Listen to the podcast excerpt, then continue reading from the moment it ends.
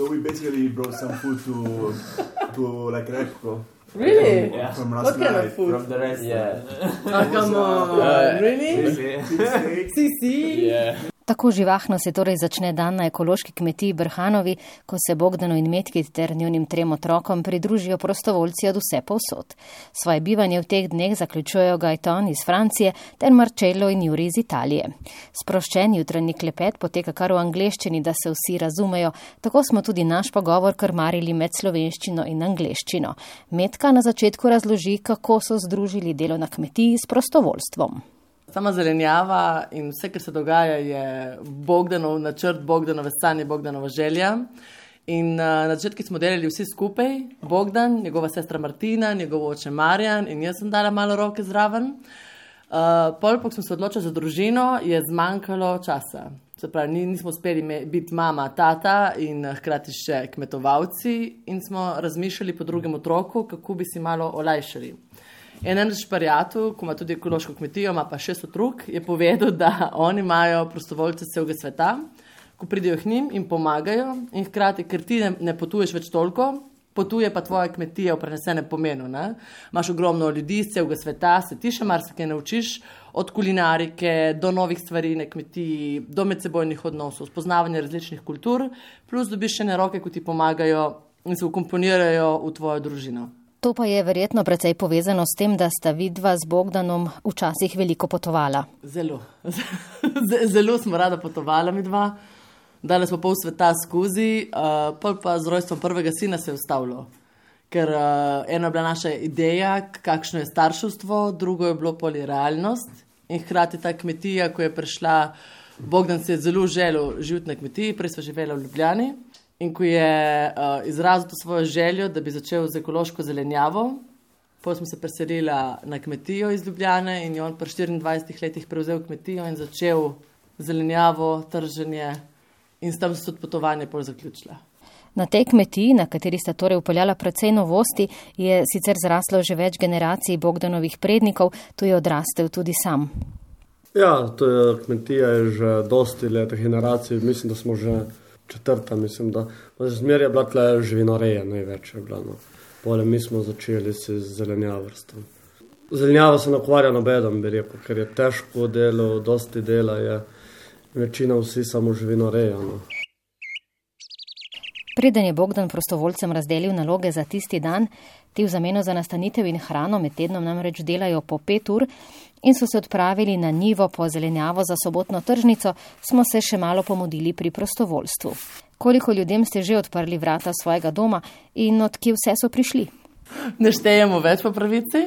Do, uh, pred koronskim časom smo imeli nekje um, od 4 do 8 na teden, menjuje se nekje na 2 do 3 tedne.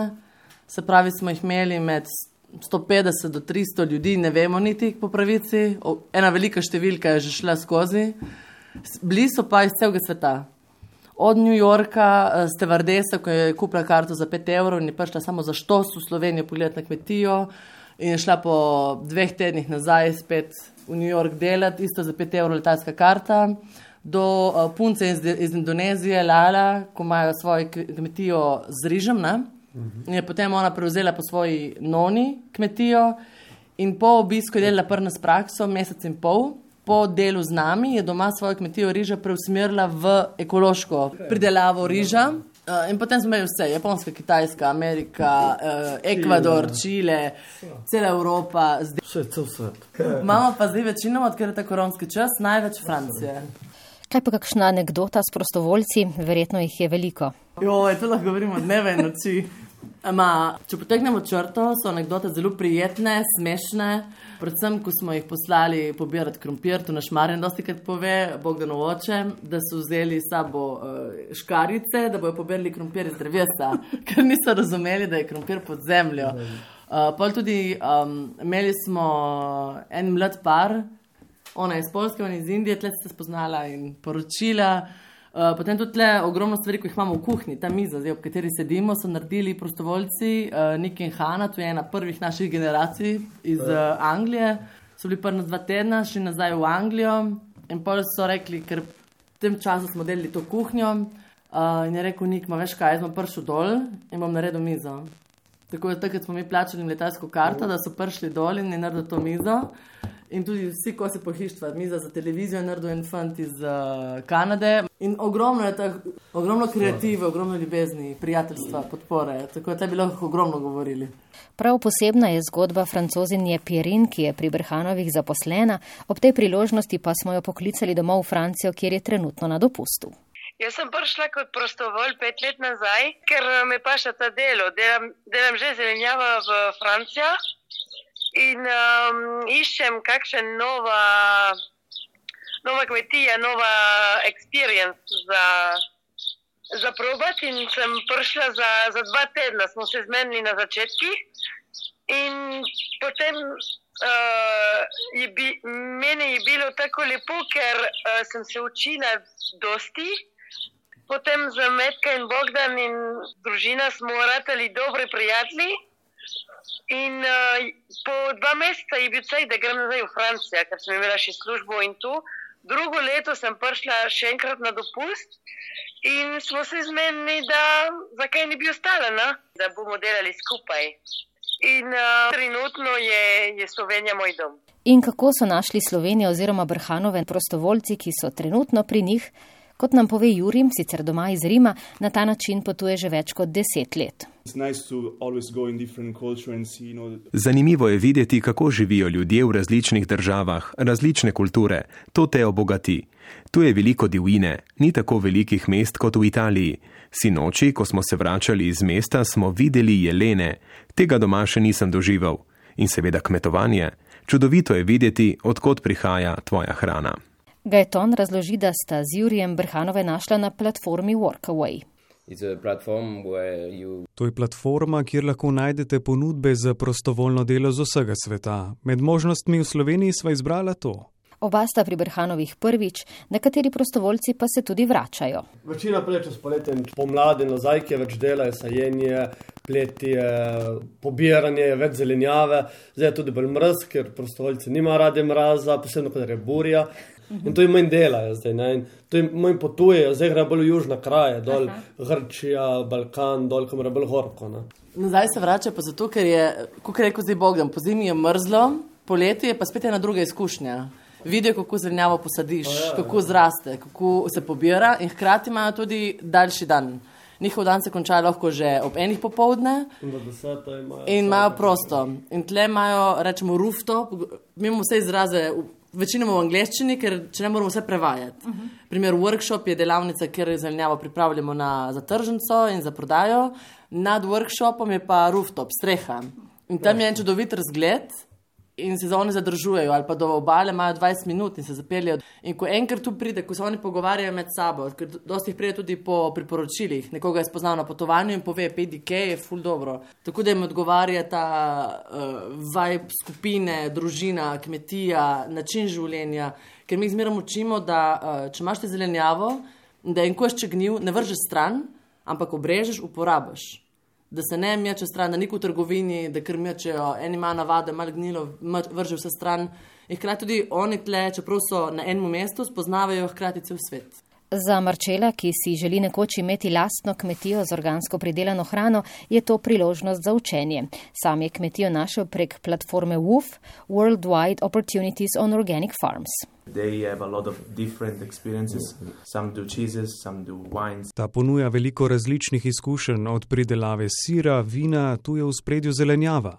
Zanimivo je videti različne panoge in lahko se veliko naučiš, hkrati pa tudi svoje izkušnje predamo naprej gostiteljem, tako da se vsi lahko iz tega učimo. Marčelo sicer prihaja iz Neaplja, zadnja leta pa živi v Trstu, kjer je pred kratkim doktoriral iz kemije, tako da je delo na kmetiji izbral tudi kot obliko sprostitve po zaključku doktorata. Vsi trije pa imajo v Brhanovih veliko pohvalnih besed. Kot pove Juri, je lepo videti otroke, ki odraščajo na ta način. Bogdan je tako predan, še nikoli nisem videl tako delovnega človeka. Metka je zelo prijateljska, vedno skrbi za prostovoljce. Kmetija je velika, ogromno je zelenjave. Če človek ni bil še nikoli na kmetiji, se tu res lahko veliko nauči. In tukaj nas res dobro hranijo, doda Gajton. Ja, well fed. it, it, it. Ja, every time when we have lunch, vsakeč, ko gremo kosilo in dam na mizo, ne, ker imamo vegane, vegetarijance, meso jede, se poskrbi, da ima vsak nekaj zase. In zmerno, ko jemo, uh, imeli smo izkušnjo, da en prostovoljc iz uh, Irske, Irske ne, mm -hmm. ni, uh, se ni upojest. In pa je zelo majhen krožniček je pojel, in na koncu smo rekli, da um, eat, eat, ne, jej, jej, don't be afraid. In potem on je začel tako sproščeno jesti, in on je jedel in jedel in jedel. In zato smo eno prekosili, rečemo, magar desetkrat, jejte, jejte, ne, ne vas ne bo strah, hrana je za vse, jo je dovolj. Prostovoljci in vsi, ki delajo na kmetiji ter družinski člani, se vsak dan zberejo ob veliki leseni mizi v skupni kuhinji na kosilu. Slišali smo, da jo je izdelal eden od prostovoljcev, na mizi pa je hrana, ki jo pridelajo sami. Mi smo v celoti ekološka kmetija, imamo od živali, uh, večina je govedoreje, govejega uh, živali, imamo okrog 90 živali, potem imamo ovce, koze, osle, kokoši seveda za jajca. In zelenjava, kako je z brkini, ki veljajo za ne preveč rodovitno območje. Tako je, če se trudiš, rata tudi rodovitno. Ne? Samo je dosti dela, dosti truda, dosti stroškov, problem klima tle, ne? ker je mrz in višinska razlika. Dosti vlaganja je, no, če želiš. Sam potem je pa dobro in kvalitetno in fino in okusno, na seveda. Ste pa, uh, mislim, da lani tudi svoj prvi rastlinjak postavili. Uh, kakšni so še načrti? Ja, lani smo prvi rastlinjak, ker smo videli, da brez tega pač se ne da živeti posebno po zimi zgodaj spomladi, ker so dolge zime, oziroma noči mrzle dnevi, horki, recimo kot danes, ne, po noči minus pet, čez dan plus deset in potem to je velik šok za zelenjavo in rasa in zboli in gnije. Ja, lani končno smo se odločili za en rastlinjak, ker smo ga sami financirali. No, smo postavili, smo bili zelo zadovoljni, že prvo sezono v njem, no in zdaj jih trenutno gradimo novega, ki smo pač dobili razpis in zdaj delamo enega malo večjega da bomo imeli več zelenjave za več cajta, za več daljšo sezono. Kako pa je s podbudami za ekološko kmetovanje? No, ne, mi smo to kandidirali, rastlinjak je evropski razpis bil, smo kandidirali že večkrat, ampak smo bili neuspešni, ker tle je točkovanje in prej je bil, cel razpis je bil drugače narejen kot zdaj. Prej so bili od uh, namakalnih sistemov do vinogradnikov, sadjarjev, vse v istem sklopu, zdaj so pa razdelili uh, rastlinjake posebej, vinogradnike posebej, namakalne eh, sisteme posebej so razdelili, denar za vsak segment posebej. No in zdaj smo prišli, hvala Bogu, notrno.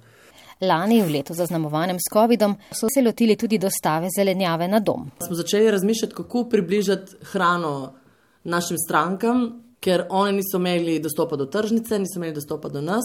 Bil je takrat velik strah in smo se spomnili, da eh, če stranka ne more k nam, lahko pa mi k njej in smo začeli z ekokišto.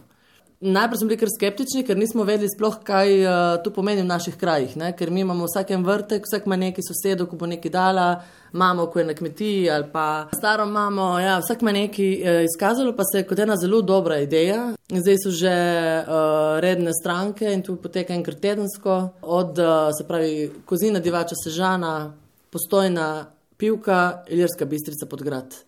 Tako da ljudje so navdušeni, se vračajo, prihajajo novi in uh, smo zmerno veseli, ko dobimo ta odziv nazaj. In tudi pol povemo doma, ko pridemo domov, povemo prostovoljcem, povemo celi ekipi, kako so stranke zadovoljne, kakšni so lepi odzivi. Tako da vsi čutimo, da je en velik kruh, da ni samo tvoje delo pletje, pobiranje, ampak dejansko nekomu si prinesel eno kvalitetno hrano, ki je polna dobre energije, veselja in je čez nekaj drugega, kot na mrtva zelenjava, ko jo nekaj odrežeš ko je zrasla pač na drugačen način.